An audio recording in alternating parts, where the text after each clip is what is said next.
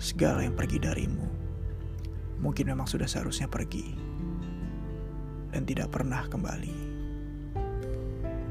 Mungkin semua itu memang perlu diambil darimu agar dapat membentukmu hari ini, membuatmu jadi kuat dan lebih, membuatmu jadi tangguh dan mampu, membantumu tumbuh dan dewasa, membantumu menemukan kembali dirimu sendiri yang mungkin selama ini tidak pernah kau kenal.